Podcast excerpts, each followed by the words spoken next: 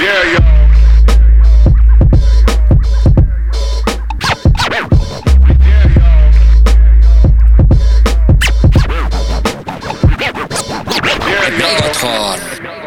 Halloen, Trond. Hei, hei. Nå er det to Tronder her. Så kult. Du er Trond Lien, Det er jeg. som jeg var så heldig å treffe. Det må ha vært på akupunkturstudiet. Mm. Og så har vi liksom ikke blitt kvitt hverandre helt etter det. Nei? Vi har eh, jobbet litt sammen, og veiene har krysset hele tiden. Mm. Og vi har mye av de samme interessene, og mange av de på forskjellige måter. Mm. Mye kropp og mye annet fanteri. Hva Yes. mer kan vi fortelle om deg? Hvem er Trond? Hvem jeg er? Oi. For vi skal snakke litt om, eller jeg har i hvert fall lyst til å snakke litt om, høre bare hva er pilates, mm. for det er jo du en eh, ninja på, Mhm. Og eh, mange andre spennende ting som du holder på med. Mm. Men er det noe annet du er enn han pilatesfyren? Uh, godt spørsmål. Hvor kommer Nei. du fra? Jeg er fra Toten. Ja. Ja. Født og oppvokst på Toten. Uh, flytta til byen da jeg var uh, 18. La med dialekta. Oi, med vilje, eller bare Ja, skjedde ja, det? ja, for det var flaut å være fra Toten. vet du. Ok. Var det folk Men- som sa det, eller bare følte du det? Nei, Jeg bare følte at nå, må jeg liksom, nå skal jeg starte på nytt. Ja. Ja, Da skal jeg i hvert fall ikke eh, prate totning, på en måte. Ja. Men nå kunne jeg ønske at jeg hadde den. For hvis jeg skal finne fram en nå, så blir det sånn parodi. Ja, ok. Du, ja, jeg Mm. skjønner. Kan du Så det er sånn som broren min og jeg taler når vi skal tale totning, liksom. Ja. Så taler jeg for like godt den andre. vet. Å, Men det er ingen som taler slik på Toten. Nei. Nei. Men hvis vi tuller på TV, så gjør vi Da taler vi slik. Ja. Ja. Nydelig. Du Vi kan ta resten sånn- av eh, dagen som svettes, hvis du er keen. Du prater kanskje sånn hvis du er 80 pluss. Da prater du sånn. Ja. Ja. Det var det som skjedde når jeg flyttet eh, til Oslo. For det var ingen som skjønte Bergen når jeg snakket vanlig bergensk. Og så la jeg om til litt sånn lettere å skjønne bergensk. Ja, For det hørtes ut som jeg var pensjonist. Og Mm. til slutt så fant jeg ut fuck it, de får bare finne ut av det. Det er nok lettere å legge om når du er fra, fra Østlandet, da. Ja. Så jeg gikk skikkelig inn for å legge om, liksom. ja. Mm. Jeg jobba med det. Men det er gøy at du i hvert fall har noe at du kan hente opp en parodibit av det. Men du kan jo fortsatt høre at jeg er fra, ikke er fra Oslo. Kan du? Ja. Og hvis jeg blir sint, så hører du det i hvert fall. Oi, hva skjer da? Det kommer noen sånne gloser. Ja, er det Ja. Det er ikke som jeg kan komme på, men du kan prøve. Se om jeg blir sint etter det. Oh, Jeg vet ikke om jeg orker det. Vi kan begynne litt som mer lystig, og så kan vi avslutte litt sint, kanskje. Hvis du er inn på det. Kan prøve. Så du flyttet fra Toten til Oslo? Ja, eller Først så flytta jeg til London, for jeg ville, vi var på en, en uh, Engelskklassen på videregående var på en, var på en skolereise. Ja. Og da, det var min første sånn ordentlig sånn møte med en stor by. Så da ble Skikkelig helt, gammel storby. Uh, Ja, så da ble jeg helt hekta. Så da bestemte vi oss for at vi skulle flytte til London. Men vi var jo ikke akkurat så veldig Kanskje vi, vi var ikke så forberedt, da. Så det var liksom tre stykker av oss som pakka kofferten og dro. Og så fikk vi oss jobb, eller to av oss fikk oss jobb på en pub i Oxford Street. Oi, midt i skinka? Midt i skinka. Og den, eh, der var det sånn at du fikk lønn hver fredag, så det passet jo veldig bra. For da kan du liksom ta med deg lønna og feste. Ja. Men du fikk sånn typ tre Jeg tror det var tre pund 50 i timen jeg, for å jobbe. Wow. Ja, Så sånn det, tredd- du kunne bruke alt i helgen? ja sånn 30 kroner eller noe sånt i timen. Og så var det sånn tolv timers vakter med én time fri på dagen. Så etter en sånn måneds tid så var vi drittlei. Vi orka ikke mer. Nei. Så da flytta vi hjem. Ja. Ja, Flytta jeg til Oslo. Så du hadde en måned i Ja, en måned, eller litt, det var vel litt mer enn en måned, da. Men det var jo, planen var jo å være der på ubestemt tid. Men det var liksom en måned, så var vi, var vi ferdig. Hva var det gøye der, da, bortsett fra at det var lange skift? Hva, var det, hva ga det, det oppholdet deg? Det er litt morsomt, fordi det snakka jeg faktisk om i helga. Eh, det var Eller det som ikke var gøy, som var veldig spesielt, at vi, vi kom dit dagen før Diana døde. Ah, Så vi, vi bodde på KFK og KFUM ja. i Notting Hill. Og det var masse unge folk og sånn kul stemning. Og når vi kom ned på morgenen til frokost, så bare satt alle og grein. For en start. Og vi skjønte ingenting. Men da hadde det, den ulykka skjedd da, i Paris. Uff. Så hele egentlig den, det oppholdet der, det var jo liksom minne og minnekonserter, og hele London var jo sorg, på en måte. Men vi var jo ikke der for å sørge, vi. Så vi, vi, var, jo, vi var jo der for å feste. Det var jo det vi var der for. Ja. Men det var liksom Det var på den tida det var um, liksom Drum and bass var veldig stort i London. da Ja. Så den klubben som het Blue Note ja. Og da var jo Bjørk sammen med han Goldie. Han, han, så vi var jo der masse. Og Da husker jeg liksom at Goldie kom kjørende i en sånn fancy bil og stoppa utafor når han skulle spille, og så håndhilsa han på alle i køa, liksom. Så gikk han inn, så spilte han. Deilig. Så det var um, Ja, det var jo, vi var jo bare nesten bare ute. Ja. Vi jobba og var ute på byen. Ja.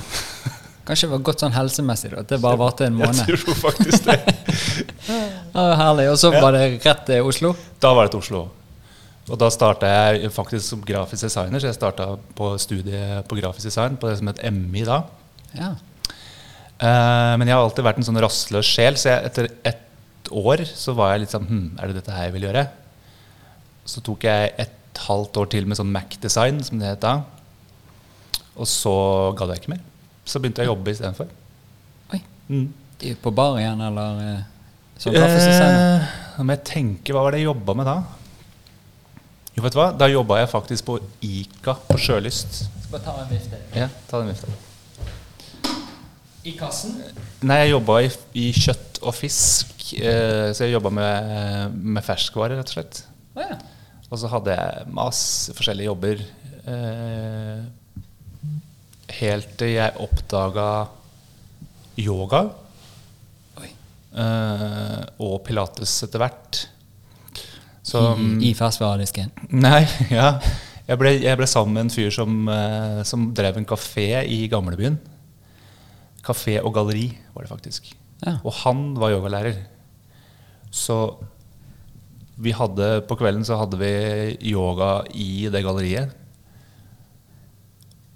Og etter hvert så ble jeg liksom litt sånn assistent, på en måte. Ja, fall hadde timer, og Ja, ja, ja. ikke bare du og han, men flere. Det ble flere etter hvert, og så ble vi tatt med på en sånn reise til Hawaii. Så vi, og kriteriet hans for å dra da var at jeg skulle være med. Så jeg fikk eh, en måned på Hawaii Oi. med lommepenger. Der jeg egentlig ikke gjorde noe annet enn å stille opp eh, tidlig om morgenen i badebukse og trene yoga Oi. ved et sånt basseng på en sånn resort. Og det samme på kvelden. Ja. Ja. For en veldig rik dame. Så hun trengte to. Hun trengte to høres geek ut, men hun trengte to eh, yogastudier. Så det var liksom, det var starten. Helsike. Det var jo Er det motsatt av eh, London, det? Det er det motsatte av London. Og da ble jeg rett og slett bare kasta inn, fordi jeg hadde aldri hatt min egen, min egen klasse før. Men da husker jeg vi var på Lørenskog når vi kom tilbake. Og da ble plutselig han eksen min, som han er nå, da, han ble akutt dårlig rett før timen. Så han bare sånn Du, du må ta timen. Oi. Og jeg bare sånn Ja, men jeg har jo aldri hatt yoga før. Og han bare sånn Jo, men bare det kan du. i badebukse. Ja, ja, jeg har bare stått i badebukse ved siden her. Uh, så ble jeg kasta ut i det.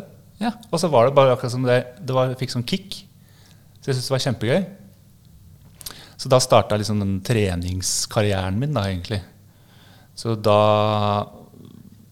hadde jeg yogatimer, og etter hvert så ble jeg presentert for pilates.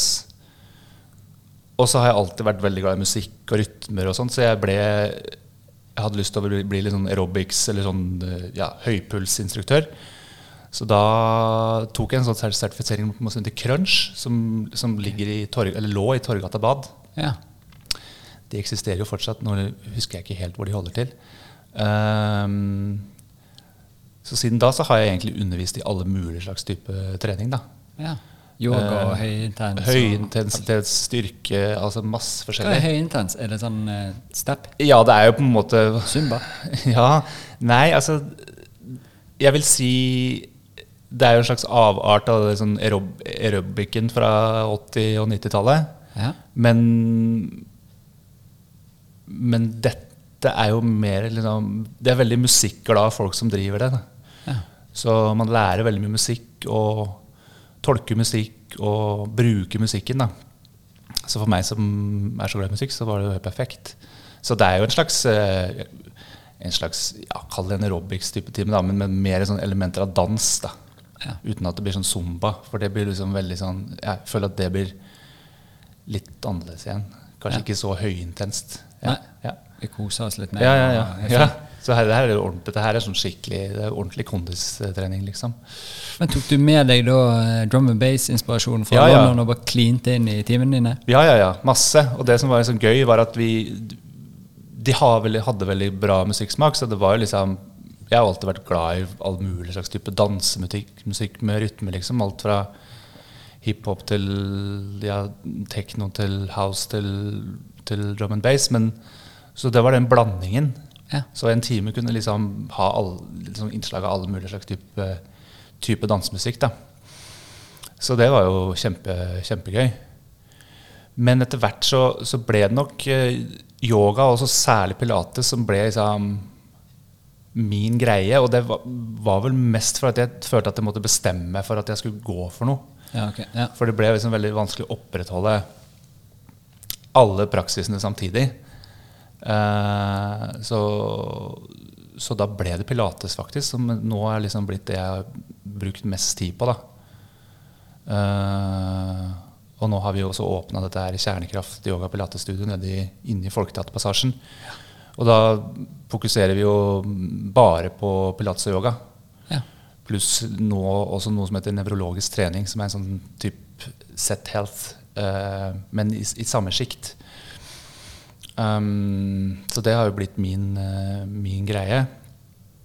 Og siden jeg også har utdanna akupunktør, så, så har jeg følt at det å kunne ha Altså ikke bare behandle folk som passivt på benken, men altså gi dem noen verktøy i form av bevegelse og trening til å ta vare på seg sjøl, Ja. det gir meg mye mer enn å behandle og så sende de ut, og kanskje sende de til en PT et annet sted. Og så har du liksom Du har ikke oversikt. Nei. Så jeg vil jo si at min sånn type behandlingsform etter hvert har blitt en slags blanding mellom bevegelse og massasje og ja, akupunktur. Ja. Jeg gjør, bruker egentlig alle de verktøyene jeg har, da. Mm. Um, som jeg syns er eh, spennende. Så deilig. Det er jo, vet, det kan, man finner sikkert bare ut av ting, men det er jo litt sånn at kinesisk medisin er jo ikke bare akupunktur, Nei. men folk forbinder det her med. Men det er jo bare ett verktøy, og så har du eh, den fysiske bevegelsesbiten og eh, massasjebiten og kosthold og alle de tingene der. Og det det jeg også merker, er jo det at det gir mye mer når du kan f.eks. behandle noen. Ja. At de kommer inn passivt, og så behandler og så gir de noe som gjør at de kan rette opp i det som gjør at dette skjer. Mm. Litt sikkert litt det med du, at du gir dem eh, en treningsform eller eh, en sekvens med et eller annet som gjør at de faktisk kan bli bedre. Ja. Og hvis du flytter til London igjen og begynner å jobbe på pub og høre på uh, drum and bass, så har de fortsatt noe som kan hjelpe dem Ja, hvis de bare går ut, liksom. Ja. Ja. Mm. ja, men så deilig. ja. Og nå er det bare å vente på at uh, alle timer kan være i full kjør ned på kjernekraft. Hva er kjernekraft? Du sa jo det, disse tingene det ligger i Jeg kaller det alltid Operapassasjen, men det heter før det. ja Folketeaterpassasjen heter det nå. Ja. Folk, eh, Men det var jo en opera der. Det er som Folketeater er nå. det vanvittig fine lokaler. Mm. Og nå så jeg akkurat et bilde fra, et sånt gammelt bilde fra Oslo når det var en eh, trafikkert vei gjennom der. Jeg gikk gjennom. Ja. Jeg har sett det, ja. Så du kunne kjøre bil gjennom. Var det en fontene da midt i òg? Det Eller var det bare vei? Kanskje det var rundkjøring? Nei, jeg tror ikke det var nok før rundkjøringas tid. Uh, nei, den, den må ha kommet etterpå. Ja. Og statuen av Kate Moss tror jeg kom etterpå. Ok, så pilatesgreien ble din eh, greie du bare har dykket dypere inn i, og er det du bruker mest? Ja, litt også fordi at jeg, jeg oppdaga vel etter hvert eh, at eh, jeg hadde litt sånne rygg, rare ryggting. Ja. Og at jeg hadde en skoliose, en litt sånn skeivhet i ryggen, da, som gjorde at en sånn type kjernestyrketrening som går såpass dypt, kunne være med å liksom justere faktisk, rett og slett justere på ryggsøylen. Ja. Så den type treningsform hadde jeg jo aldri vært borti før. Og da jeg starta uh, på The Room, som det heter nå i Oslo, det var utrolig flinke instruktører som Ja, de ble helt sånn husker Første gangen jeg gikk på en sånn time, så ble jeg helt fascinert over hva slags blikk de hadde, hva de kunne se Ja. av detaljer. Ja. Uh, så, så det hadde jeg liksom lyst til å lære. da Så da begynte jeg å gå der masse mens jeg underviste selv. Uh, og etter hvert så tok jeg en sertifisering. Og så var jeg, var jeg nå, for noen år tilbake, så var jeg i New York i tre måneder, ja, nesten tre måneder. Og tok en ny sånn sertifisering på alle disse maskinene, som sånn reformer og noe som heter chair, og noe som heter barrel. Um, så da fikk jeg liksom, drømmen min i oppfyllelse, at jeg kunne virkelig dra til det stedet der skal vi si, pilates nesten oppsto. Ja. og lære av ja, folk som kan det på et vil jeg si, enda høyere nivå. Tett deg inn til roten av Ja, ja, alt. ja. Ja. Så, det, så det, det var helt utrolig kult å være der i tre måneder og bare kunne gjøre akkurat det jeg hadde lyst til. Bare drive med akkurat det jeg liker best. Og ikke minst være i den byen. For den Ja, du kjenner New York. Ja. Det er en sånn helt utrolig energi der. Det er helt vilt. Ja. Selv om det blir, jeg tror det er litt slitsomt i lengden, men å få være der er Akkurat som alle som er i New York, har kommet dit for å liksom gjøre sitt beste, på en måte. Og, bare være, og den samlingen av så mange flinke folk. Bli sånn, man blir jo bare kjempeinspirert. Ja. Så jeg gleder meg til å, at de kan reise igjen, for da skal jeg skal jeg Fiffe opp med sertifikatet. Jeg skal fiffe opp, jeg skal bare dra dit. Jeg elsker å gå ut av Penn Station og bare stå og høre all den tutinga. Åh, det er fantastisk. Ja, det er mye deilige Ja. ting der. Altså. Ja. De der maskinene dine Ja. eh, For jeg gjorde pilates en eller annen gang Ja. med eh, fysioterapeuten min, for at jeg hadde en sånn rar, merkelig rygg, jeg òg. Mm. Og da ble jeg litt kjent med pilates, men jeg har jo ikke peiling på hva det er, hvor kommer det fra, eller noen ting. Og eh, veldig mange er jo kjent med pilates, mange Mm. er kjent med yoga og forskjellige andre typer. Hva er, hva er egentlig pilates? Hvor kommer det fra? Hva er, er greien? Altså, Josef Pilates han var vel han var en tysker. Litt usikker på om han var egentlig østerrik, østerriker, men um, vi sier at han var tysk. Ja, Eh, Han han- hører ikke på, tror jeg. Eh, Nei. han uh, ble født i 1880 eller noe sånt nå, litt seint på 1800-tallet. Uh, og var egentlig en veldig sånn syk unge. Han, var, han hadde astma og var litt sånn Går det an å si svekling? Ja. Jeg vet ikke om det er lov, Nei, men, men det det går greit her Ja. Så han var liksom inne og var sjuk hele tiden og så liksom så ut på alle som lekte og hadde det gøy. Og så på et eller annet tidspunkt så bestemte han liksom for at han skulle, nå skal jeg også bli liksom fysisk sterk. Så han starta både å praktisere kampsport, yoga og egentlig alt mulig av forskjellige teknikker. Mm, og så lagde han dette systemet som han kalte for kontrologi Ok. som da heter Pilates i dag. Hva, vet du det tyske ordet? Det er sikkert ganske Kontrollischer Nei, jeg vet ikke. Nei, jeg aner ikke. Nei. Kontrologi Nei, jeg vet ikke. Uh, og så Dette her var jo da liksom, Så kom jo første verdenskrig, og så ble han arrestert eh, fordi Da bodde han faktisk i England, og så ble han arrestert og ble satt inn i fengsel. Og så inne i fengselet så lagde han egentlig den første versjonen av disse apparatene. Og det var rett og slett Han tok alt han hadde. Han tok stoler og tok fra hverandre og brukte fjerne inni stolene. Han tok eh, senger og brukte det som var der. Eh, og begynte liksom å trene med de, de andre innsatte. Ja. Så rundt den perioden når den spanskesyken kom, så var det jo folk døde som fluer. Ja. Men merkelig nok, inni det fengselet så var, holdt alle seg frisk, er det som historien sier. da. Ah, Pilates-triksing. Ja. Ja.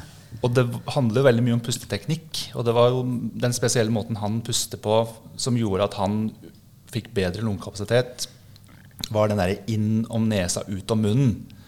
Og da er tanken at eh, man beholder hvis jeg ikke husker helt feil nå, sånn nitrogen inn i disse alveolene. Når du puster ut igjen, så blir det liggende inne i lungene og på en måte holder bedre eller holder lungene sterkere. Eller, ja. Ja. så, så det er liksom litt tanken, da, uten at jeg helt kan forklare det. hvordan det funker. Nei, men sånn ikke at vi er litt sånn. Vi Ja. har lov til det. Um, så når han slapp ut igjen, så ble han ansatt for Scotland Yard for å trene opp uh, disse her agentene. Oi. Og så, i 1920, så tok han med kona si, og så dro de til, eh, til USA. Og, og flytta egentlig inn i, eh, ja, nedre Manhattan et eller annet sted. Og det var da det liksom tok av, da, den treninga her. For da var han liksom blant liksom, altså skuespillere og dansere og teaterfolk på Broadway. Fikk litt snusen i dette. Og de fikk snusen i dette her, og det var liksom lange køer eh, for å trene med han, liksom. Ja. Så det var fra sånn tidlig 1900-tall at det liksom tok av, da. Så ja.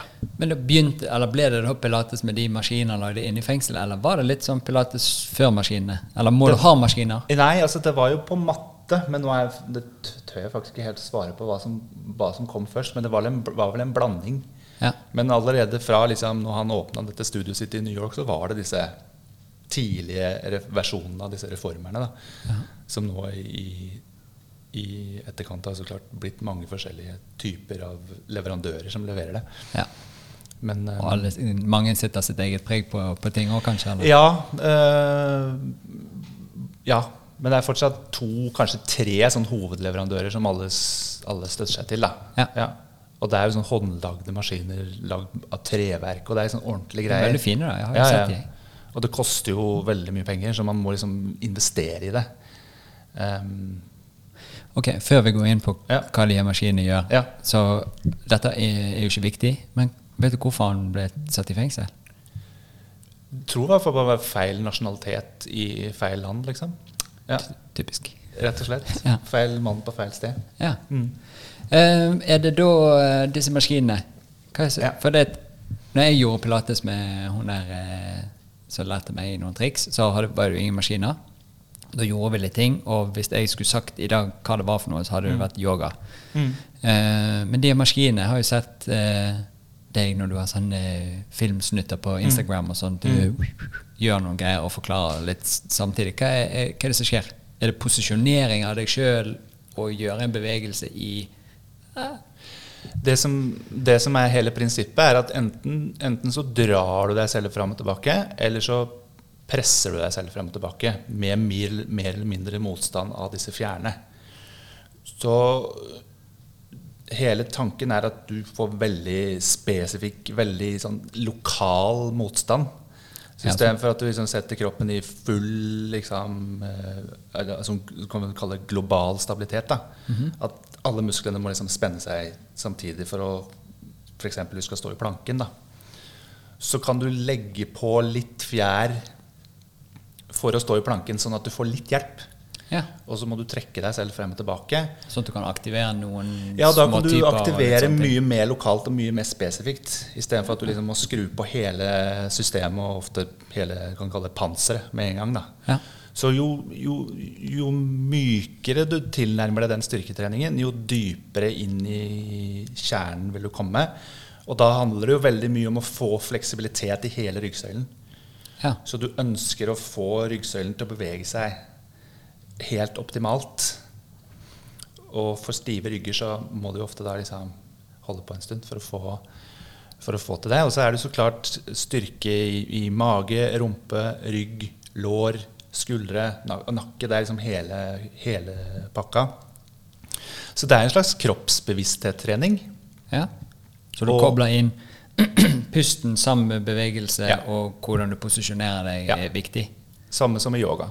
Ja. Bare at i pilates så Jeg vil nesten sammenligne det med, med litt sånn god gammeldags sånn gymnastikk. ja.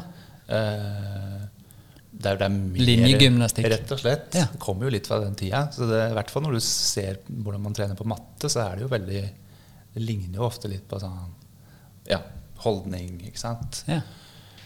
At man prøver å få til en så optimal holdning gjennom hele kroppen som, som overhodet mulig. da. Og lik styrke. ikke sant? Foran, bak, innside, utside. Uh, og, og fleksibilitet i ryggen. Og, og det som er viktig, er jo at, at man jobber med en instruktør som har har god erfaring og lang erfaring. Det er litt sånn viktig å si. Uten at det høres ovenfra og ned ut, så er det så viktig. fordi hvis jeg skal undervise, så må jeg hele tiden jobbe med meg selv. For jeg kan ikke Jeg må vite gjennom meg sjøl hvordan det skal kjennes ut på andre. Ja. For ellers så kan jeg ikke gi feedback. Så det er liksom hele tiden viktig å liksom være i den prosessen sjøl. Og da får du det blikket som jeg snakka om i stad. At, du liksom, at du kan se ting Uh, Og, det, og med det blikket så mener du at du hva skal vi si, noen gåsetegner i luften her, men eh, diagnostiserer eller kan se hvor det er noe som skulle vært justert på eller Ja. annerledes? Kan se hvor muskulaturen fyrer i forhold til hvor den ikke fyrer, altså hvor den er aktivert, og hvor den burde være mer aktivert, og hva det gjør med skjelettet, egentlig. Ja. Ikke sant? Eh, så det er jo det spennende med det. Altså når du går og lærer, så blir du aldri ferdig med å lære, for du kan liksom gå dypere og dypere og dypere. Og så kommer det til et aspekt av liksom mer sånn manuell terapi inni det også. Du bruker hendene dine veldig mye og, og, og retter og gir korreksjoner Mens de holder på mens i de den holder maskinen? på, så de får en feedback, sånn at de kjenner hva, hvor du vil at de skal Ja. jobbe. Da. Og det, det synes jeg det er det jeg elsker med det. Ja. Um, og at jeg hele tiden kan lære nye ting. Og kanskje gå til en annen lærer og få en eller annen sånn ny korreksjon. Da, så tenker jeg oi, det var bra, det må jeg stjele. Ja. Jo, men det er jo ofte det at man må kjenne det sjøl for å skjønne av og til greiene. Man kan høre det teoretisk og alle disse tingene, men du har liksom ikke ikke helt integrert før du har fått følelsen av det heller.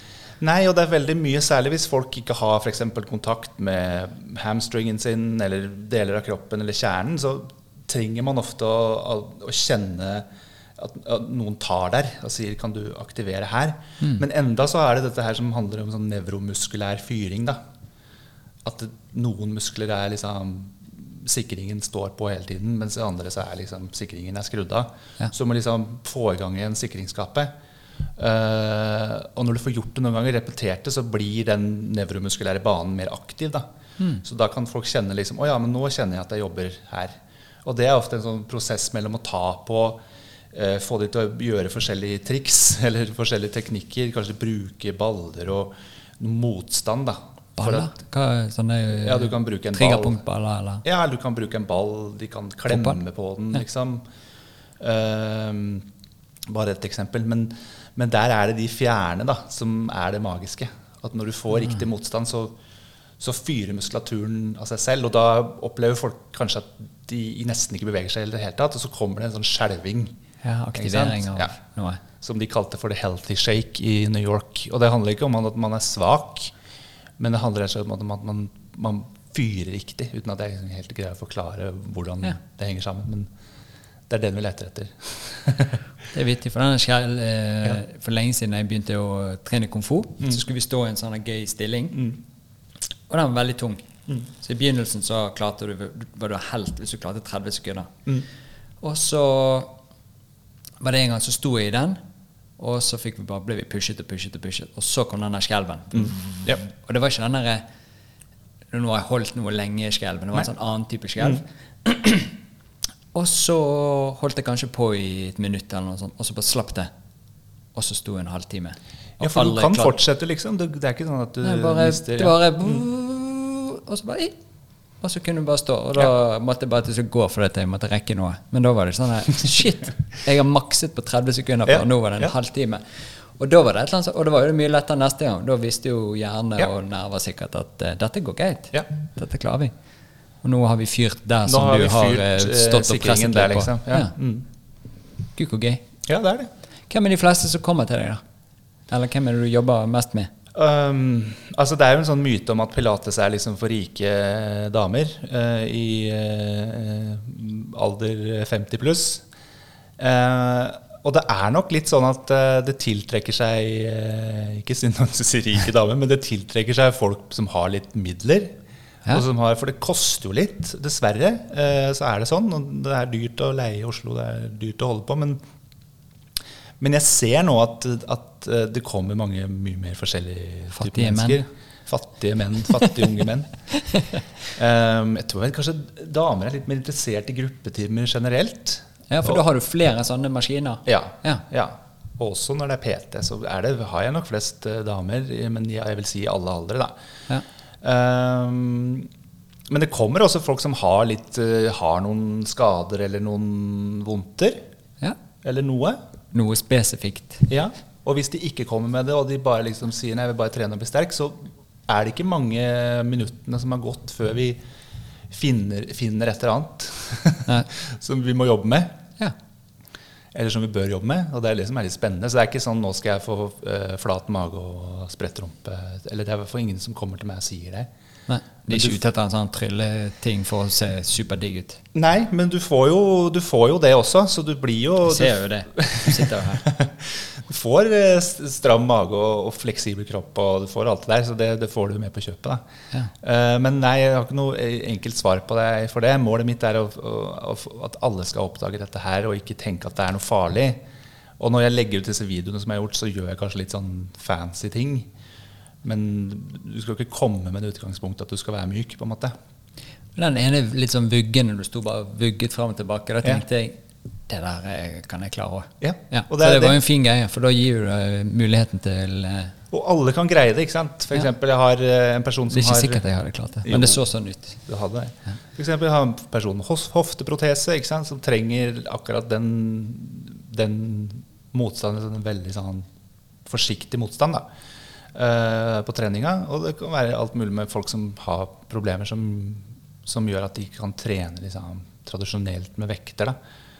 Eh, men det som er kult med dette, her er at når du får gjort det en stund, så vil du ta deg inn i det andre tinga du gjør også. Så vil du kjenne at du har en bedre effekt i hverdagen når du sitter og jobber eller går og står. Og hvis du holder på med noen andre ting som handler om aktivitet som løping eller ski eller eh, gudene veit hva det er, så Ja. vil du merke at du får en helt annen liksom bevissthet og teknikk inn i det. Og det er det som er kult. Så, ja, jeg syns det er så gøy, for at hvis du sitter og ser Du har jo en eh, veldig fin liten hund, Luna, Ja. som er en italiensk mynde. Mm. Ja, og hun er veldig skjønn. Og så har jeg han eh, skjøteren som ligger her ute og tygger på ting og koser seg. Men det som er så gøy når du ser masse hunder, og når du ser hunder på gaten, så er det sjelden at de går feil. ja.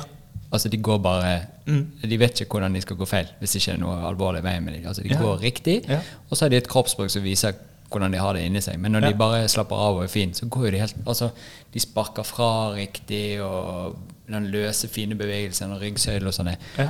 Og så gjør du det samme, går gjennom Oslo en dag, og så bare prøver du å finne én som går normalt. Det er jo helt krise. Så det er jo litt vittig å se på hvordan vi bare roter ting til. Ja. Og sånn som jeg opplever også med qigongen og, og de tingene, er jo at du må klare å få inn en formel, så kroppen begynner å skjønne hva er det vi egentlig ønsker å få til. Sånn at folk kan begynne å gå litt mer eh, energibesparende og mindre slitasje på ting. Og, ting. og det er jo det det høres ut som for, for deg òg, at du, du klarer å få til en liten sånn formel i nervesystemet, så du kan ta videre med deg i alt. Ja, vet du hvordan energibesparing er liksom litt av clouet, da?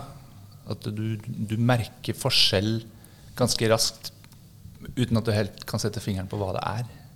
Ja. Men det er bare en følelse av liksom, at kroppen beveger seg på en annen måte. Jeg leste nettopp en sånn nydelig, fint studie. Mm. Alltid gøy med studier, men dette er kjempegøy. Og Da så de på idrettsutøvere som klarte å optimalisere eh, kjeden av bevegelser. Eh, og de brukte 14% mindre oksygen. Ja. Så da har de det bare De bare gønnet forbi folk som eh, hadde en eller annen liten sånn skjevstilling eller et eller annet. Så bare poff! Ja. Kroppen slipper å stabilisere og koke med noe han egentlig ikke skal holde på med. ja. Og ofte feilen folk gjør at når de skal begynne å trene, er at de skal ta i veldig hardt og veldig fort. ikke sant? Ja. Og da er det jo utrolig mange som skader seg, for det er jo liksom kroppens svakeste punkt som går først. Ja. Eh, så hvis du skal løfte en vekt over hodet da, som er altfor tung for deg, så går den skulderen hvis ikke du har liksom grunnleggende styrke nok.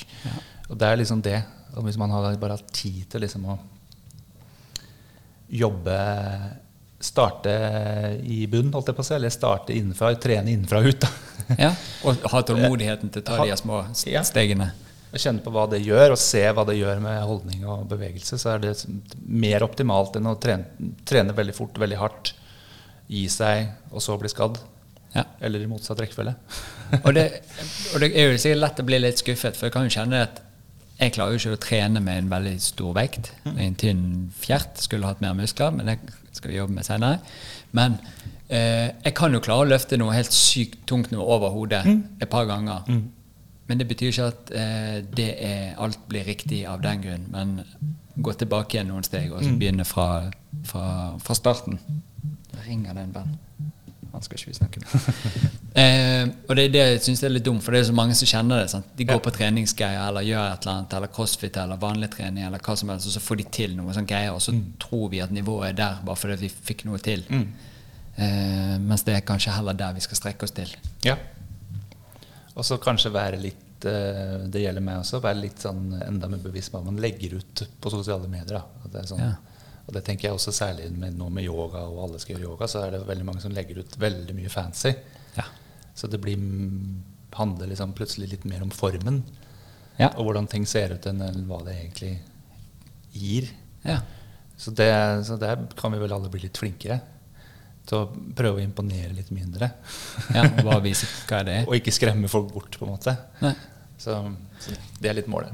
Ja. Mm. Så da har du de maskinene som du holder på med å styre på. Er det i Pilates sin eh, idé eller opplegget hans? Hadde han andre verktøy eller ting? Hadde han, han hadde pustingen i alt dette som en del av greien? Hadde han noe matting? Hadde han noe meditasjonsgreier? Hadde han andre ting som han puttet inn, eller var det hovedsakelig maskin og pust og gjør dette og Altså Han studerte jo, han holdt jo på med yoga, og jeg tenker sikkert også meditasjon, men, men en del av, av, av den pilatesen som jeg tror kanskje folk ikke helt skjønner, er at det handler like mye om det mentale.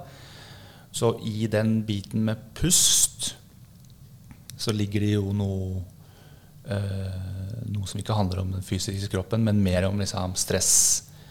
Stressmestring, ikke sant? øke lungekapasitet. Eh, som nok ikke kommer så tydelig fram da, på de bildene. For det ser ganske sånn, det kan se litt sånn strengt og sånn, Ja. sånn tysk ut. ikke sant?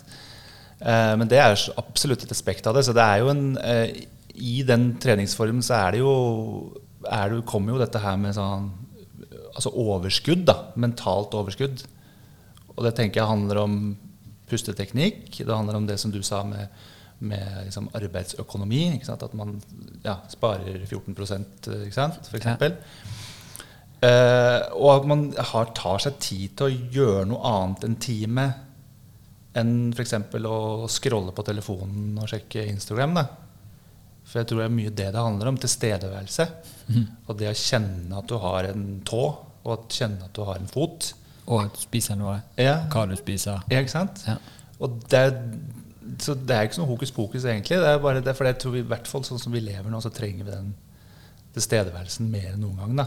Ja. Så du har en time med deg selv, enten det er på matta eller på, på reformeren, og så har du liksom ikke noe annet valg enn å tenke på det du gjør. Og da har du fått en effekt allerede. Ja. En pause. Hvordan er en sånn, eh, sånn økt? Er det sånn at du For det er en del treninger, også yoga, som er så anstrengende at du må helst hvile etterpå for å ta ned i nervesystemet. Er, er pilates på samme måte, eller er det i et sånn rolig, fint tempo at du faktisk ikke aktiverer for mye av eh, stressbiten? Jeg tenker Hvis du skjelver etterpå når du er ferdig, da har, du, da har vi tatt i for hardt. Ja. Ja. Så jeg starter ofte veldig rolig. Eh, og, og nesten så rolig at hvis folk er nye, så tenker de Oi, ikke sant? Eh, Skal Gjør vi noe så rolig? Ja. Uh, og det kan jo se ut som ingenting. Men det er da vi leiter etter den skjelven. ikke sant? Ja. Og jeg er ikke fornøyd før du gjør noe som ser ut som ingenting, og jeg ser at du liksom aktiverer da. Oppi hodet. Så jeg tror det er det som den, Det at vi lærer når vi trener at vi skal ta i hardt, da mister du helt effekten på reformeren. Ja. For da kan du like godt gjøre noe annet, Ja. tenker jeg. Ja. Uh, så, så ja, du, rolig, men etter hvert så Jeg liker å liksom både gjøre rolige øvelser og få inn litt sånn dynamikk, at det går litt i forskjellig tempo. Men hovedsakelig rolig og litt sånn seigt for å få fyrt opp. For disse her musklene vi snakker om, de kjernemuskulaturen bruker litt lengre tid på å skjønne pointet. Den er litt sånn tregere i huet, hvis du kan si det sånn. Så den tar litt sånn tid før den kommer i gang. Så det er ikke som en biceps, liksom, en veldig sånn eksplosiv Den muskel. Ja. seg på med en den er liksom på med en gang. ikke sant? Ja. Så, du, så hvis du kjører på for fort, så tenker jeg at du mister noe av effekten. Men, men igjen, bindevevet blir jo sterkere og mer elastisk av det også. Så etter hvert så vil, vil man jo fyre raskere. Og da kan man jo kjøre en økt som går ganske sånn fort også. Ja. Så leke litt med det, da. Og jeg når jeg trener selv, så kan jeg godt like å liksom dra på med litt sånn avanserte øvelser. Men det som gir meg mest, er alt å gå tilbake til det basicen. basicen. For det er den som mm, på en måte nullstiller kroppen min. Ja. Hvis jeg ikke har gjort det på noen dager, eller noe sånt, så kjenner jeg at det er noe som, åh, det er, noe som er feil. Og så gjør jeg bare et kvarter 20 minutter, og så er liksom ryggsøylen liksom smidig opp på plass igjen. Ja. Og da kjenner jeg liksom at alle sånne småting som jeg har gått og kjent på, som kan være en skulder, eller det kan være noe sete eller hofte, eller sånt, det blir som borte. da. Så Eh, ja. Så jeg har ikke vært hos noen kiropraktor på lenge. fantastisk. For å si det sånn. Ja. Mm. Men uh, ok, så det er nede på Kjernekraft, Ja. og der er dere en liten gjeng. Hvor mange er det? Fire Nå har vi fire stykker Ja. som, som eier og driver det. Ja. Mm. Så digg. Så da er det bare å få opp eh, større klasser og få lov til det. Og ikke, Få opp eh, sjappa. Ja. Ja. Mm. Ja, men det er digg. Mm. Eh, men gjør du noe utenom dette for deg sjøl også, eller eh, gjør du andre treningstyper eller andre eh, digge ting for eh, helsen din? Ja, altså jeg Jeg eh, er veldig glad i å trene styrketrening også. Ja? Hva er best? Nei, altså det, Hva liker du? ja, altså jeg- var litt sånn Å, nå skal jeg pumpe, og så skal jeg bli svær. Ikke sant? Det var mitt sånn mål. Men jeg er jo ikke Jeg blir aldri det. Nei, du er jo det- svær, holdt jeg på å si, bare Jo. i høyde og Ja. Og personlighet. Ja, jo, takk. Men uh, jeg har så jeg trent mye vekter. Ja? Men, men så kjæresten min, eller mannen min, han, han er veldig sånn turnete. Så han, han trener bare egen kroppsvekt og pullups og liksom alt det greiene der. Og muscle-ups gjør han, og det kan jeg bare glemme å få, få til. Men, men de siste kanskje ett og et halvt, to årene så har jeg bare blitt med han på en sånn herre hand, hørte du? ja. Det er Toten. Oi. Jeg hørte den, men visste ikke hva det var for noe. Oi. Ja, nå begynner det. Eh, Huh. ja, sånn, pass deg, da. Ja. Eh, Så da har jeg vært med han på sånn eh, litt sånn calisthenics, sånn egenkroppsvekt, styrke, kondistrening. Og det gir meg utrolig mye. Det syns jeg er superbra. Så det liker jeg hvis jeg skal trene. Eh, Jeg liker å danse. ja. Ja. Hva type dans? Nei, jeg er jo litt sånn Eh, Nei, altså jeg er jo litt sånn techno house-fyr. Ja. Så i helga så var vi oppe i en sånn fjellhytte og dansa i hele natta. Så det liker jeg. Nå har det vært altfor lite av det i, i, Det er ikke en sånn Zoom-rave? eh. Nei, det har vært litt sånn, Jeg har sett det er noen som har prøvd, men det er liksom ikke helt det samme. Nei, det er jo ikke det. Du må liksom inn i flowen. Ja. Um, og så har jeg begynt uh, å jobbe med mm, Sanitetsforeningen, eller Norsk Ja. sanitetsforening. Så jeg har uh, sånn senior Facebook-trening uh, to ganger i uka Oi. med Ida Engerud, som jeg jobber sammen med. Og da får jeg lov å Da er det en halvtime med folk fra hele Norge som deltar. Det var sånn 130 stykker eh, nå siste uke. Ja, helt sikkert. Og da er det litt sånn aerobics, og så er det litt styrke og litt balanse. Så da får jeg tatt igjen for den, den bevegelsen der. Det er digg. Og der blir jeg sliten også. Ja. Så de er Men det er en spreke. moderne linje eller sånn trim for eldre? Det er jo sånn litt sånn trim for eldre. Ja. Jeg husker Gratis jo på Facebook. Ja. Ja. Mm. Kan alle være med, eller bare den Alle gjengen? kan være med. Oi. Så, det er Så bare, Det er bare å logge seg inn på, på um, Fellesskap for seniorer på Facebook på tirsdag og torsdag klokka ti. Oi, Så er det gratis. fantastisk. Ja. Det er veldig fint, da. Og så kunne være med og aktivere den uh, gjengen der som ikke alle er så giret på. Ja, nei, Det er så mye entusiasme. Det er kjempe, kjempegøy. Så Halvparten av det er jo det sosiale. At du, liksom, du chatter med folk fra hele landet. Og vi sitter ofte nesten en time etterpå og bare chatter med de. Hva snakker dere om? da? Trening, eller om sånne Ja, det, det også. Og så veldig mye fyrstekake og Ja, veldig mye hvor de er fra. Ja? Og, og vi kjenner noen som er derfra. Nå har det vært ganske mye totninger òg, faktisk. Å, for en sosial, koselig Ja, ting. ja. Og så er det mye om været. Oi, det tror jeg. Postmann. Mye om været. Og så er det om treningsutbytte. Ja. Og hvordan det går, og om, eh, om de er fornøyd. Om eh, musikken er bra nok. eh, Er det drum and bass da, eller? Nei, da, det som er dumt med Facebook, er at eh, den skrur av all musikk som er liksom original. På en måte. Så du må bruke en sånn Uh, Du må bruke en sånn testplattform, og så må du spille musikken for å høre om de skrur av. Og da er det en sånn egen, uh, egen side på Facebook som har sånn musikk som ikke Facebook skrur av. Facebook styrer hele Ja. verden. Så det er veldig sånn så jeg, jeg, Musikken jeg, Vi har funnet, funnet bra musikk, men det er ikke en originalmusikk. Så du, det er liksom jeg, jeg, hadde jeg skulle ønske jeg kunne ha Kunne utfolda meg litt mer, da. Ja. Men det funker. Mm. Ah, så digg. Mm. Hva er det de eh, tilbakemeldingene fra den gjengen, da? Er det, er det, før det spørsmålet, Ja. er det mange av de som har vært vant til å trene og, som før og bare glemt det en stund, eller er, Nå, er det nytt for de å drive og hoppe Ja. og sprette? nå tok vi over for eh, den 1. juli, og da er det, nei, juni, og da er det en annen dame som har hatt det i et halvt år før oss. Så de har jo vært med på det her et halvt år. Eh, men hva de har gjort før, det er jeg ikke helt sikker på. Men jeg vet at det er mange som har blitt litt sånn stengt inn, inne pga. korona. da. Ja. Og at de har liksom, det er dette her som har holdt de fysisk aktiv hele fint. veien. Så det så det er helt supert tiltak. Jeg får bare tenker, Dette er ikke sikkert det er sånn, men jeg bare tenker mine besteforeldre, f.eks. eksempel Jeg, visste ikke, jeg vet ikke om det fantes sats på den tiden. Altså jeg, bare, jeg har på følelsen at det er flere nå som Ja. går ut og trener og gjør aktive ting enn Ja. det var da, men kanskje de var flinke å bare bruke kroppen på den tiden, eller eh, aner ikke. Så det er vel kanskje en sånn greie hvor gammel du er, og hva du har vært vant med gjennom oppvekst og liv. og Ja, og så er det litt sånn individualismen også. ikke sant? At man skal ta vare på seg sjøl, og ikke bare liksom ta vare på familien og det sånn tradisjonelle livet. da. Så jeg tenker det har kanskje litt med det å gjøre. Ja. At våre besteforeldre ikke nødvendigvis kanskje De lærte ikke av sin generasjon at det var lurt å ta vare på kroppen. Men der er det jo så veldig forskjellig. For mine besteforeldre har jo gått utrolig mye, f.eks. De har liksom gått én lang tur på to timer hver dag og tatt badstue, f.eks. Ja.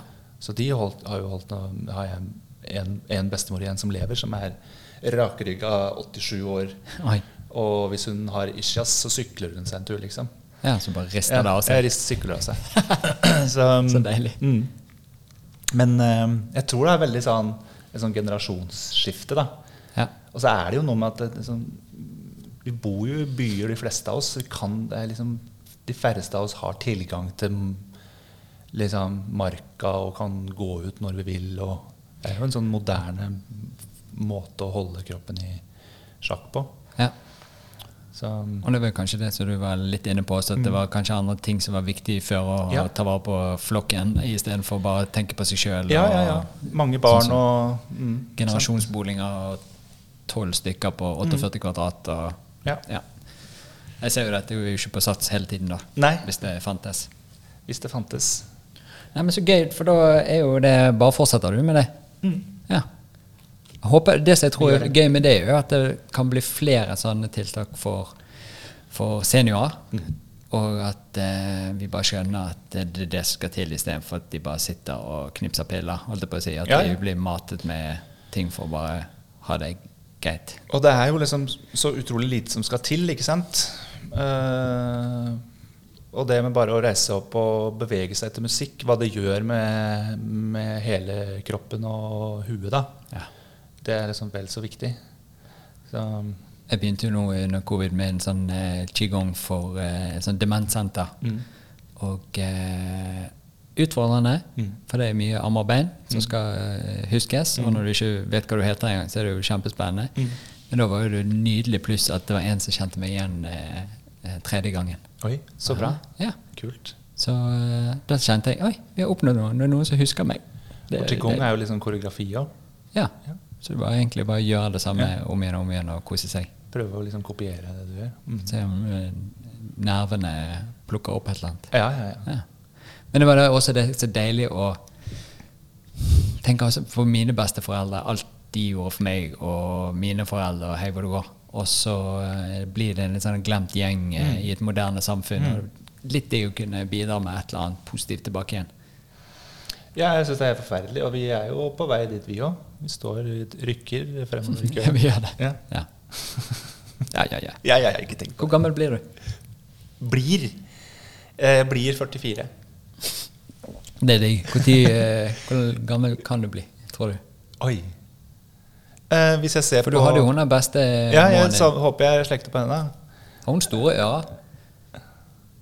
Det skal jeg faktisk se etter neste gang. Er ikke det en sånn kinating? Ja. Så store ører. Altså så sånne lever du med. øreflipper som er liksom delt, eller ikke delt, men som ikke sitter liksom inntil store øreflipper, er det ikke det? Jo. Ja. Og hvis du har små øreflipper, så sitter du i fengsel. Da er det fengsel. Ja.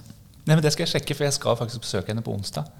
Ja, Mm, bare send en melding om hvordan Hvor- det jeg skal står til Jeg med ørene. av. Men dine ører, hvis du har av headset litt Ja. Å, helsike. Jeg har svære ører. Ja, ja. Ja. Du kommer til å leve til 100 eller Ja, ja, eller ja. Det er det som er planen. 102 eller 3, tipper jeg. Håper det. Okay. Men hva annet gjør du enn å drive og eh, styre nede på, um, på eh, kjernekraft? Um, Du begynte med et studie, Ja. for at du klarer jo ikke å la være, forsto jeg. Ja. Jeg er egentlig kose ikke noe glad i å studere, for jeg er, jeg er litt sånn dårlig sånn på planmessighet, tror jeg. Eller jeg flakser liksom fra ting til ting. Eh, men et eller annet i meg som eh, sier at nå skal du gjøre det. Så jeg ble jo permittert fra den jobben min som daglig leder nede på Kjernekraft i første runde av stengingen i mars i fjor. Ja. Eh, og, da sånn godt eksempel på at jeg er sånn som kaster meg på ting. Så sier Martin dagen før eh, 15. april, for da er det sånn frist for å søke på høyere utdanning. Så sier han du, du er klar over at det er frist i morgen på å søke på videre studier? Og så ble jeg sånn Å ja, er det det? Ja, men da må jeg se om jeg kan gjøre det. Så da jeg har jeg jo en sånn tanke om å, å ta en master, men, men jeg har liksom ikke helt uh, hatt tid. Så satte jeg meg ned, og så sjekka jeg både på Blindern og på NMBU, og så fant jeg ut at det var uh, eh, folkehelsevitenskap, miljø og samfunn, heter det, på NMBU. Og så var det noe som heter tverrfaglig helseforskning på Blindern, eller på Universitetet i Oslo. Så jeg, jeg bare slang på og søkte på begge deler.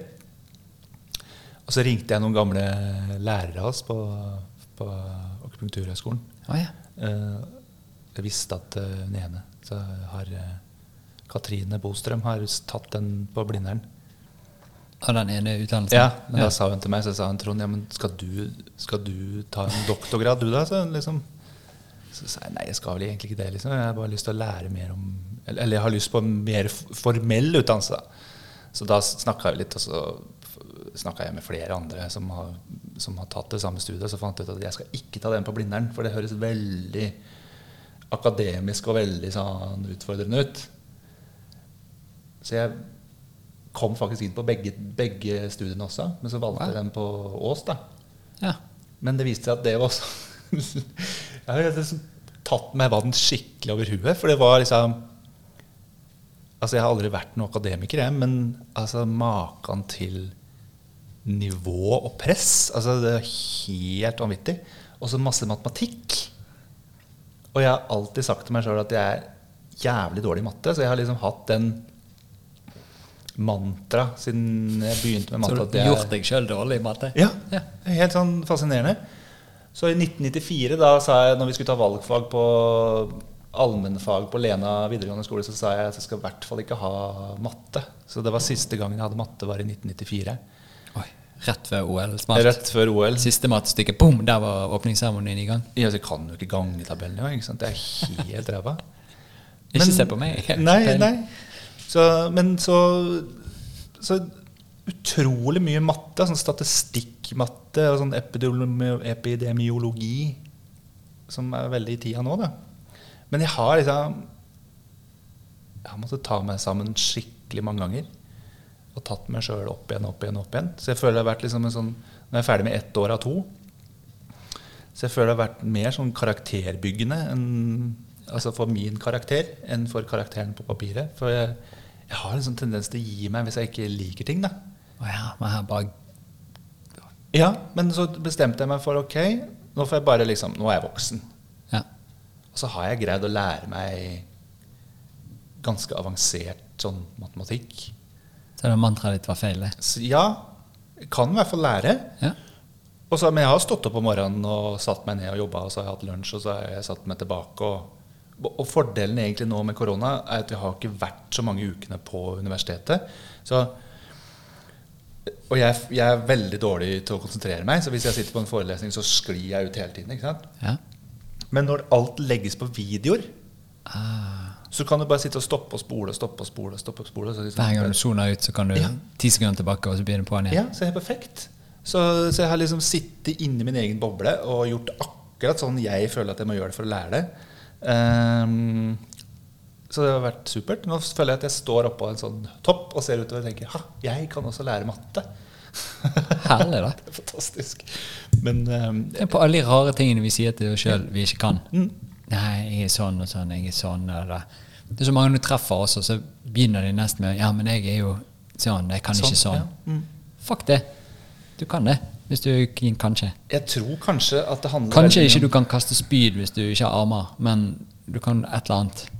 Ja. Altså Det er jo noen ting som bare Det kan du ikke. Mm. Men vi har jo mye sånne rare ting vi sier til oss sjøl at eh, hele tiden. Det blir jo en sånn komfortsone. Liksom, det blir en sånn komfort i det òg. Da slipper du, ikke sant. Uh, men jeg må jo også si at det, det, jeg har ikke møtt noen mattelærere der ute som har vært på mitt lag heller.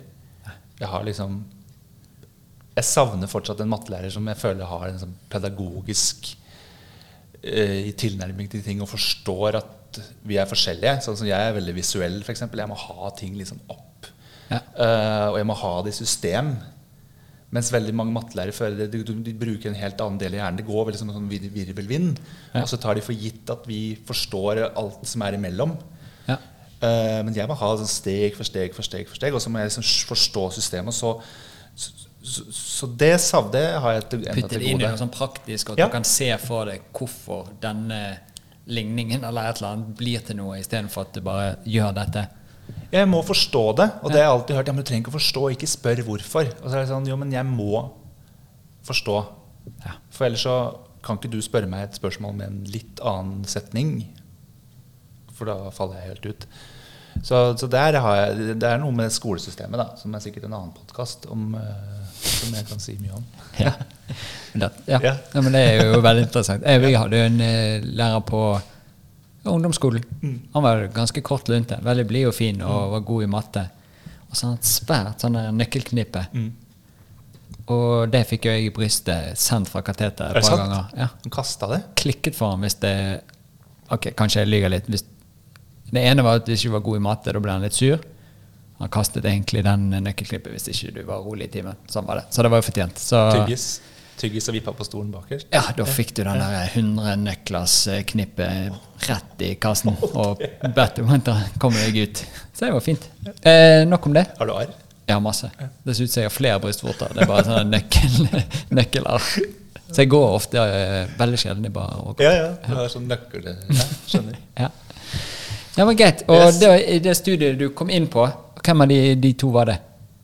Det var den eh, Han med nøkkelknippet? eller? Nei, nei, nei, nå er jeg tilbake på det. Jeg, bare drømte meg vekk i meg i jeg traumatisk barndom. Da valgte jeg det på Ås på NMBU. Ås, hvor er det? Er det i Oslo eller utenfor Oslo? Det er Ås kommune, så det er Ah, ja. eh, ja, eh, norsk eh, Oi, miljø- og bioteknologisk universitet. Wow, Mm. flott. Og eh, hva lærer du der? Da lærer, jeg om, eh, da lærer jeg det som er folkehelsevitenskap. Så det er liksom alt som handler om folkehelse, både i et eh, individperspektiv, eh, økonomisk, samfunnsmessig, planperspektiv, sykdom ja, Og alt. mellom forskjellige ting? Ja, ja, ja. Og hvordan egentlig alt henger sammen, og hvor jævlig urettferdig verden egentlig er. Ja. fordi alt handler om Alt som har med helse, handler om hvor du er født, og hvem som har født deg, og hvor mye penger du har. Ja. Og det er jo helt tragisk å si, men man kan jo Man kan jo ikke bli annet enn venstre-rød av å stemme ja, og, og, Når du dykker ja, inn i tingene? Ja, egentlig. Fordi Bare se på situasjonen vi har Ja. vært nå i eh, Ja. ett og et halvt år. Det er jo eh, Alle sier vi er i samme båt, men Ja. vi er jo på samme sjø i storm. Men noen sitter jo i deilige luksusskip med boblebad, og andre klamrer seg fast i en liten planke. Ja. Altså, det er spennende også, eller det er spennende og trist, og man møter seg sjøl i døra, og man ser liksom at eh, ja, utdannelse er viktig, hvor du kommer fra, hvor du er født, hvem foreldrene dine er, hvilket land du bor i. Alt handler om, alt har sammenheng med helse. da. Og hvor viktig det er at vi har eh, sånne egalitære samfunn som vi har her i, i Skandinavia. At alle har så, så like muligheter som mulig. Og hvordan det liksom påvirker lykke og helse og hvor le lenge du lever. da. Ja. Det er helt uh, fascinerende. Så, um, Så det ene er at du finner ut av uh, forskjellene og at alle de tingene. Hva Mm. annet er det som sjokkerte sjokkert deg gjennom det der studiet der? Med nordmenn, f.eks. Er noe At vi ikke beveger oss mer enn eh, jo, at 70% av norske befolkning er er overvektig. Ja. Mm. Og at uh, fra, vel, var, var det fra regjeringen sin, eh, eller Helsedepartementet sin sånn årsmelding i 2016, eller hva det var, så er det flere norske kommuner der det er bare 25% som oppfyller kravene om liksom minimum fysisk aktivitet i uka.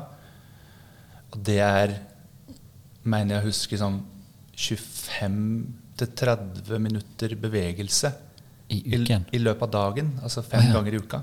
ja. Så- ja jeg, da har jeg sikkert lest feil. For jeg leser sånn 70% av Norges befolkning beveger seg 30 minutter i uken. Ja, For de bare er- går inn og ut av biler og gjør ingenting. Ja, de, så det er helt utrolig. Så nå hørte jeg også nå på radioen før vi kom an til de, at disse her eh, Det er grusomt å si, nå blir det sånn morbid. Men at kist, Før så var det sånn for 15 år siden så var det veldig sjelden at man måtte ha sånn kister i størrelse XXL liksom, for å få frakta folk ut. Men nå begynner det å bli veldig vanlig. Da. Jeg så nye innkjøpet til Ja. eh, sykehuset. Så må de gå til innkjøp av større større senger og operasjonsbord. For det, det er ikke plass til folk. Så det er jo Vi er jo ikke sur på noen. Det er jo bare et, det er jo et eller annet i samfunnet som kanskje ikke går helt eh, veien. Vi sitter gjennomsnittlig ni timer eh, stille på røven hver dag. Og så bør vi kunne få inn en halvtime bevegelse, og det er det færreste som får til. Ja. Ja, så det er kanskje der Zoom Ja. Facebook-trening kommer inn i bildet. sånn For lenge siden så var det et, et studie i USA, og da hadde de eh, fjernet fjernkontroll. Så når du skulle switche på TV Det er jo reklame hele tiden, så du har lyst til å switche, for du glemmer jo hva du ser på. Så de bare fjernet fjernkontroll, så de måtte bort og trykke på TV-en for å bytte kanal. Og bare der så hadde de økt opp til det minimum av bevegelse i løpet av en dag. Så det er kanskje mange sånne lure triks vi kan gjøre bare for å få bevegelse til å bli noe, istedenfor at vi bare er superfolk folk når de ikke har fått det til. Tredemølle som går Eller sånn rulle eh, Sånn rulletrapp som går motsatt retning bort til TV-en. Sånn at du må gå veldig sånn tungt. Eller Husker du Flintstones? Ja. Ja, sånn bil. Ja, du sånn må bil, bare løpe. Fullt med stein. Alt er bygget av stein og dinosaurbein, og så må du løpe barbeint rundt omkring. Perfekt. Ja. Norge bare helsen to. Der har vi en eh, plan. En Ja. eh, business plan. Nei, det er vel det som har sjokkert meg mest. Og så fikk jeg liksom Jeg har alltid tenkt at eh, når man bor i en by Nå skal jeg ikke lage en sånn eh, by og land mot land-greie, for det føler jeg det kan eh, Senterpartiet holde på med. Men, men at- at jo større grøntarealer, Hæ? jo mindre urbant, jo høyere BMI. Ja. Det er sånn generelt i hele verden, og også i Norge. Ja. Så vi får jo mye gratis bevegelse med å gå rundt i byen, da. Med å bo sånn i gangavstand. Ja. Sånn som jeg får ja, 1,5 km hver vei til og fra jobb. 3 km. Martin går dobbelt så langt, så han går 3 km én vei tilbake. 6 km om dagen. Ja. Så det merker jeg når jeg er tilbake på Toten. At det er, sånn, det er en helt annen måte å leve på. For du går ut, setter deg i bilen, kjører dit du skal.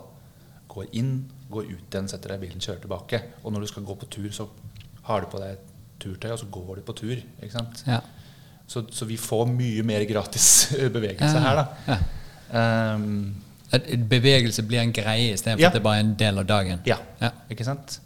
Så der kan, kunne kanskje folk eh, Nå er det kanskje kjedelig å gå en mil til jobben, men man kunne kanskje ha brukt bilen litt mindre. Er ikke det innstilling? Jeg tror det. Det er mindset, liksom. Sette igjen bilen, ta sykkelen. Ja. Jeg ser utrolig lite folk som går når jeg er sånn hjemme og besøker eh, mora mi. da Og hvis de går, så har de liksom sånn gå-modus. Da har de hatt på seg turtøy, og så skal de gå Og Med vet sånn at bukse som gnisser. Armene går sånn veldig sånn fort. Ja, Ja. Med sånn bukse som gnisser. Og sånn at pulsen bare stiger litt og Ja. blir litt stress og Ja. kok istedenfor bare gå og slappe av. Ja. Ja. Åh, nei, men det er jo deilig, da. Men det er jo uh, Det er jo egentlig det jeg har merket er deilig med Jeg har alltid bodd i by, men eh, jeg liker jo også å tusle rundt litt. Men jeg vet jo ikke hvordan jeg hadde blitt hvis jeg bodde på landet og det ikke skjedde noe. Men Du- der ja. Ja, Du hadde lagt på deg. Jeg hadde Mm. Had, ja, ok. jo, jeg hadde jo det. Men du har jo også bare det studiet ditt. Er det noe mer du vil si om det? For det var jo gøy. Jeg har ett år igjen, og um, ja, jeg grugleder meg til neste semester, for det er For du begynte i april for ett år siden. Eller jeg begynte i august. i. August, ja. Du meldte deg inn i april, begynte i Ja, august, så, ja. nå er det snart et år. Aha. Er det eksamen? Eller må du skrive masteroppgave? Jeg må skrive masteroppgave til slutt. Ja. Om hva da? Eh, Jeg har fått muligheten Jeg har meldt meg opp på to prosjekter. Et handler om sosial kapital og sosial ulikhet. Mhm. Og det andre, andre er om ungdom og rus. Så har jeg ikke egentlig fått noe vite Ikke noe mer spesifikt enn det, men Nei, et eller annet det er det jeg rus. Så Ja. kanskje jeg er heldig å få være med på et av de. ja, Ja. fett. Mm. Og så, uten at vi trenger å si akkurat hvor, men dere fikk jo dere en eh, liten sånn koselig hytte yeah. inne i en skog. Yep. Den eh, så jo litt sånn rufsete og eh, artig ut første gang jeg fikk se bildene av de. Ja. Og så de siste bildene jeg har sett, tenkte jeg sånn Holy shit, det er det samme greien. Ja. Men der trives det, dere.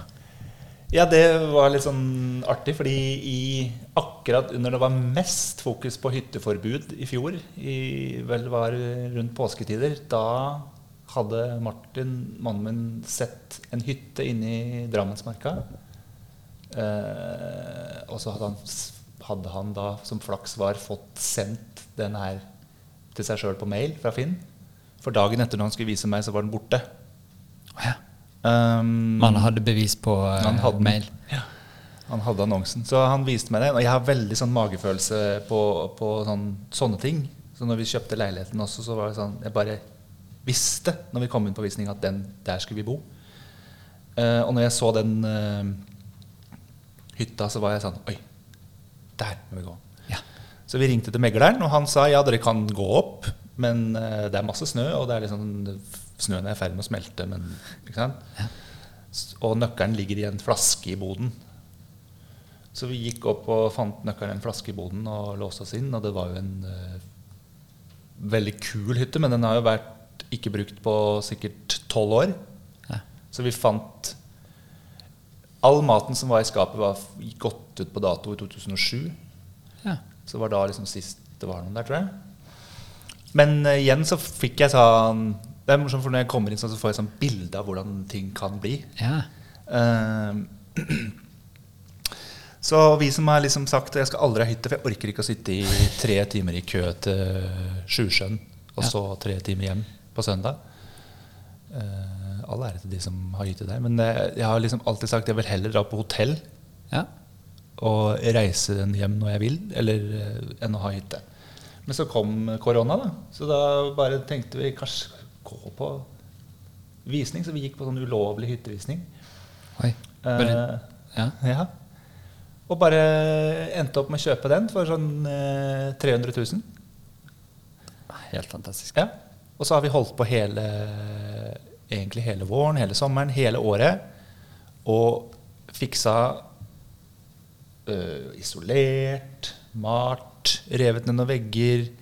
Hatt ett faktisk helikopterløft Med pipen, med pipe og lekablokker og alt som skulle til. toalettpapir og alt sånn ekstra ting. Alt som skulle.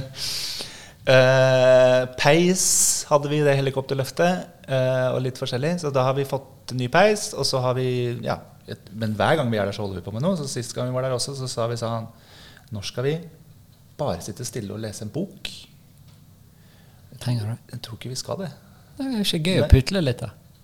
Ja, vi er, eh, vi er begge to sånn at vi jeg, jeg, jeg tror kanskje vi er litt nevrotisk, fordi vi kan ikke gi oss før vi er ferdig. Nei. Så nå har vi liksom båret plank Vi har sikkert båret 30 kilo på ryggen opp og ned i all slags vær. Midt på vinteren, i mørket. Vi har rota oss bort med sekken full av plank. Eh, vi har grini. Jeg har ligget og kava i snøen og sagt 'nå orker jeg ikke mer'. 300 meter fra hytta. Eh, Vet du hva jeg ser nå? Nå har du sånn ryggsekk Ja. med tre meter lange planker som stikker opp av ryggsekken. Ja, og det så sånn. bare Er det det? Det er sånn. Og så er henger det sånn sinnssykt. grinesnør. Ja, helt breakdown. Det var 18 cm med Nei, 18, det var 80 cm med nysnø. Og vi skulle ha med oss Men det var på jula, da. Vi skulle ha med oss alt vi skulle ha på julaften og hele romjula. Pluss luna i sekken. Ja. Og det var mørkt. 18 cm nysnø. Eh, Det snødde sidelengs, og vi gikk på ski gjennom skogen og prøvde å lage en ny sti. Da hadde jeg en breakdown. Men da sa Martin Tenk buddhistisk. Smerte er å ønske at du var et annet sted enn det du er akkurat nå. Oi. Ikke det fint? Ja, Så fint. da, og det Da tok du det sammen. Ja, da, men- Dro du inn snørret? Dro igjen snørret. dro meg opp igjen. Nei, da- men det har jeg tenkt mange ganger når jeg gjør sånne ting som er helt jævlig tungt. Ja. Ok, smerte. Tenk, nå er jeg her. Ikke sant? Ja. det funker. Ja, men det er jo digg. Ja, ja, for jeg går jo hele tiden å, når vi kommer frem, nå, da skal vi ligge på sofaen, da skal vi fyre peisen, da skal vi spise brødskive med brunost, liksom. Ah, du er fremtiden. Ja, ja, ja, da skal jeg ta meg en øl. Så det, har, eh, det, er, det er karakterbyggende å gå opp og ned. For det er, det er 50 minutter oppoverbakke på sommeren, Ja. og på vinteren er det 1 12 time. ja. Fortsatt oppover? Fortsatt oppover. okay, det Det bare går uh, dobbelt så sakte. Ja. Så det er jo en treningsøkt, da. Ja. Enda mer eh, Men da er det gøy når du skal hjem igjen. Da er det litt sånn Å, nå må jeg hjem. Og så får du nedoverbakke. Da kan du skli på f.eks. Eh, søppelsekk. Går Ja. Ja. Det har vi gjort flere ganger. Det der høres helt fantastisk ut. Men eh, veldig interessant med helikopter. Fikk du Mm. sitte på inni der, eller? Åh, det skulle jeg ønske, men det er bare sånn enmannshelikopter. Så det vi måtte gjøre, var at vi måtte pakke alt. Så vi, vi så på kartet hvor er det liksom stor nok plass for et helikopter å lande. Og så ringte vi han som eide det området. Ja. Og så spurte vi du, kan det komme et helikopter og lande. Og Så var det litt sånn, litt sånn Hva skal jeg si sånn eh, staut norsk mann. Så han var sånn Ja, så hvis jeg får en eh, flaske whisky, så er det greit. Oi. Ja. Så vi kjøpte Den billigste whisky. Nei, men vi kjøpte faktisk ganske bra whisky, for han hadde litt sånn krav. Så vi sa oh, ja. hva slags whisky var. Så jeg husker ikke akkurat hva det var, men det var litt sånn fancy. Så da pakka vi 750 kilo i sånne steinsekker fra Felleskjøpet. Og så, kom, og så måtte vi forte oss å gå opp, for vi måtte stå der som helikopteret skulle lande liksom, i skogen og peke her. Så hørte vi liksom, når vi nærma oss ut, så hørte vi det helikopteret komme. da. Oi. Det var, det var så kick. Var, for da står du der sånn Hallo, her. Land. Og da kom det bare liksom en sånn svær krok ned med liksom alt. Wow. Ja, Det er nesten så du har strandet på en sånn øde øy, og så kommer det forsyninger. ja det, var, det var akkurat sånn. Det var helt fascinerende. Men jeg skulle ønske jeg kunne sitte på, men det fikk jeg ikke lov til. Men nå har dere fiffet den opp, så nå er han eh, egentlig Nå har vi fiffa opp, og vi har Hva hva dere hota roter med nå, da? Når dere er ferdig med alle Nå er det ved. Å hogge ved? mm, Ja. For jeg har funnet at jeg har eh, inni meg så bor det en sånn ved, veoman, som faren min kalte det. Sånn som jeg var veldig opptatt av ved. Ja. Eh, og da skjønner jeg hvor jeg har det fra. For bestemora mi hun likte når hun liksom ble dårlig til bein, så likte hun å kjøre tur på søndag og se. Og da så hun og si de har stabla veden sin pent. Ja, så jeg har det i meg. Men sånn liker du å hogge den eller stable den? elsker så, Med motorsag og liksom helt fra scratch og ned til liksom kløyveved og legge opp. Det er akkurat som jeg, jeg har aldri drevet med det før, men jeg har vært på et lite sånn minikurs hos faren min. Eh, men akkurat som jeg har det i genene mine. Du er en uh, lumberjack. Jeg er det. Ja. Så Martin sto og så på meg og bare sånn så, så, hva, hva skjer med deg? Så jeg sånn, Nei, jeg vet ikke. Jeg bare veit hvordan jeg skal gjøre det. Liksom Skjønner poenget, da. Ja.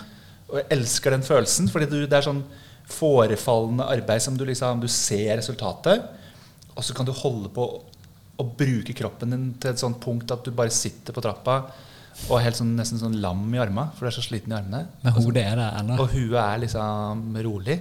Ah, Åh, det er så deilig. det motsatte av by. Det helt motsatte. Knusesliten i hodet og helt mm. opplagt i kroppen. Fuglekvitter, ingen mennesker noe sted, bortsett fra noen hyggelige naboer eh, litt lenger oppi. Men det er altså så Det er deilig. Det er skikkelig deilig. Hvor langt unna er naboene?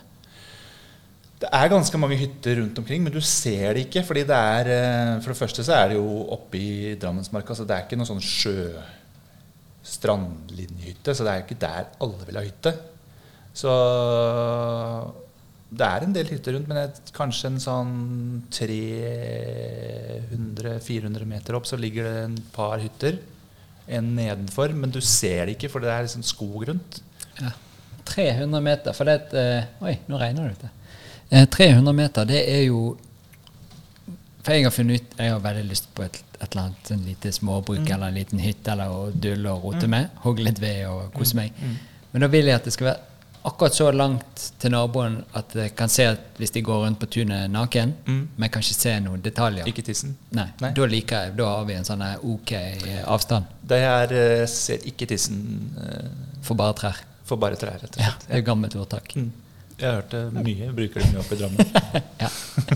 Og det er digg, da. Men hytten, er det bare skog rundt, eller har dere litt sånn åpen, deilig plass? Vi har eh, utsikt til Drammensfjorden, akkurat så vidt, så vi ser Drammensfjorden. Og så, har vi, så er det åpent foran, og så har vi ca. 1250 kvadratmeter med skog, så vi har hogd litt nå. Selv om jeg er sånn, jeg er sånn tree hugger. Ja. Så jeg føler Og jeg er det. Jeg kan liksom gå rundt og kjenne på trærne, liksom.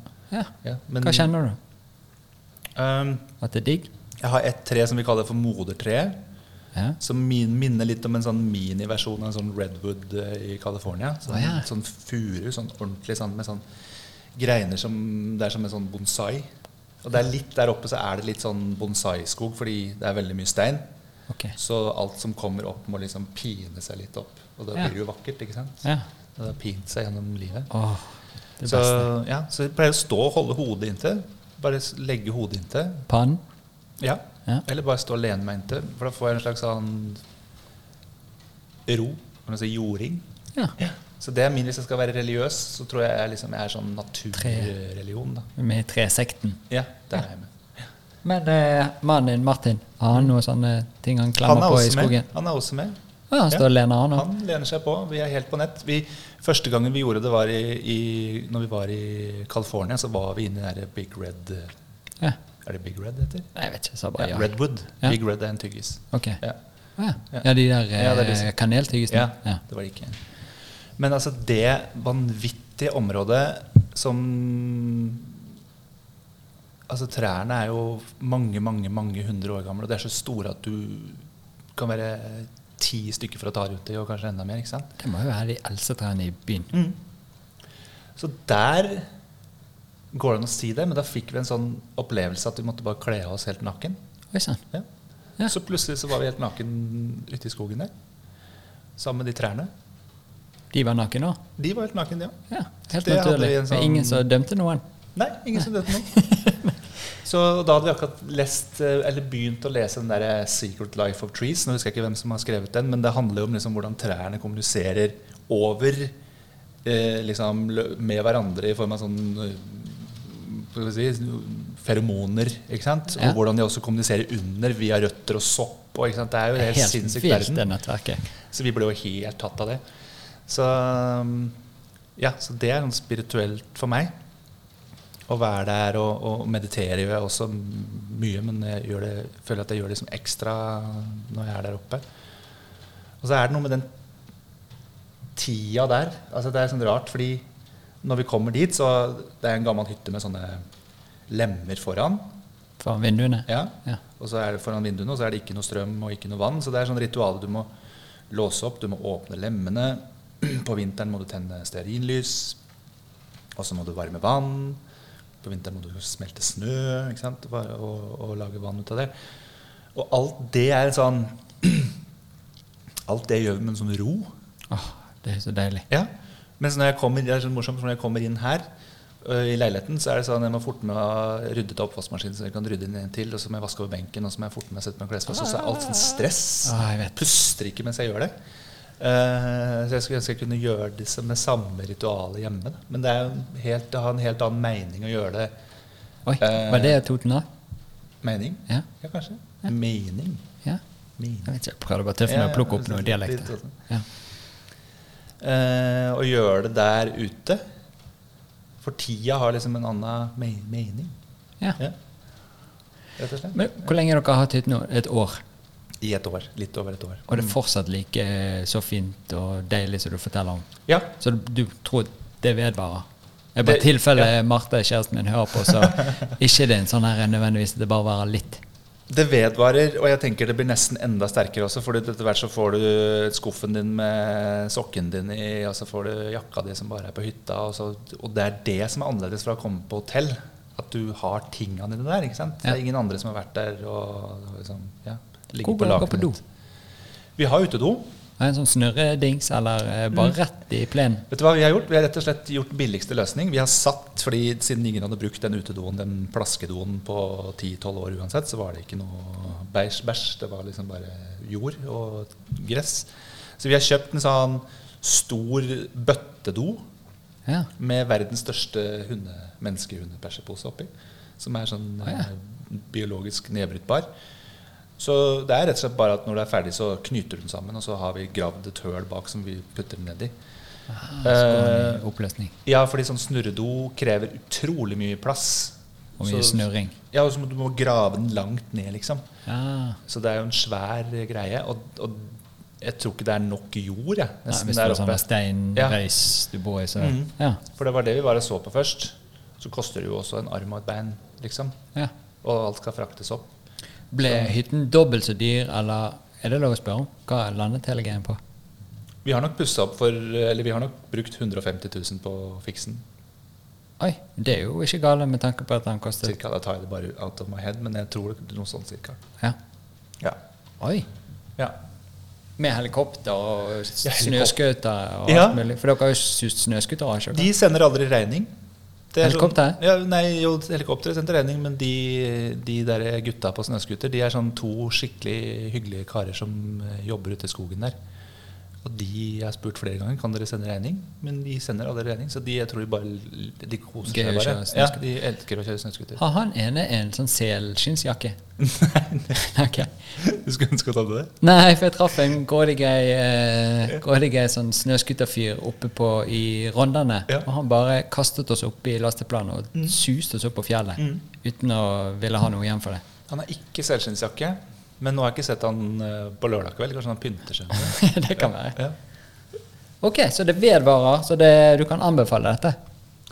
ja, hvis man I hvert fall eh, hvis du har de der eh, inni selen din som bare kjenner at du er laget for å hogge tømmer. Og, men, hvis du har lyst til å gå i, og, og hvis du har lyst til å bevege deg og liker å jobbe med kroppen, da er det noe. ja. Martin, mannen din, Mm. hva er det han er god på, siden du er god på uh, tømmerhogst? Hva Han er, gjør han? han er helt rå siden han er arkitekt. Så selv om han sitter og tegner alt på papiret, så er han helt rå på bare sånn instinktivt skjønne hvordan ting skal bygges. Ja. Sånn som jeg hadde aldri skjønt det. Nei. Jeg hadde aldri skjønt hvordan jeg skal bygge en trapp, eller hvordan jeg skal isolere, hvordan jeg skal skifte eh, tak på loftet innvendig og sette opp lekter, Ok, han har legge på stasjon, alt sånn. Og bygge opp en Han bygde til og med en ny, et nytt lokk til brønnen på, han, mens jeg var og bada med en venninne. Så hadde han Oi. bygd nytt lokk til brønnen når jeg kom ned. Så han, gjør, han elsker å gjøre sånne ting. For et team. Ja, så jeg, jeg hadde aldri greid det.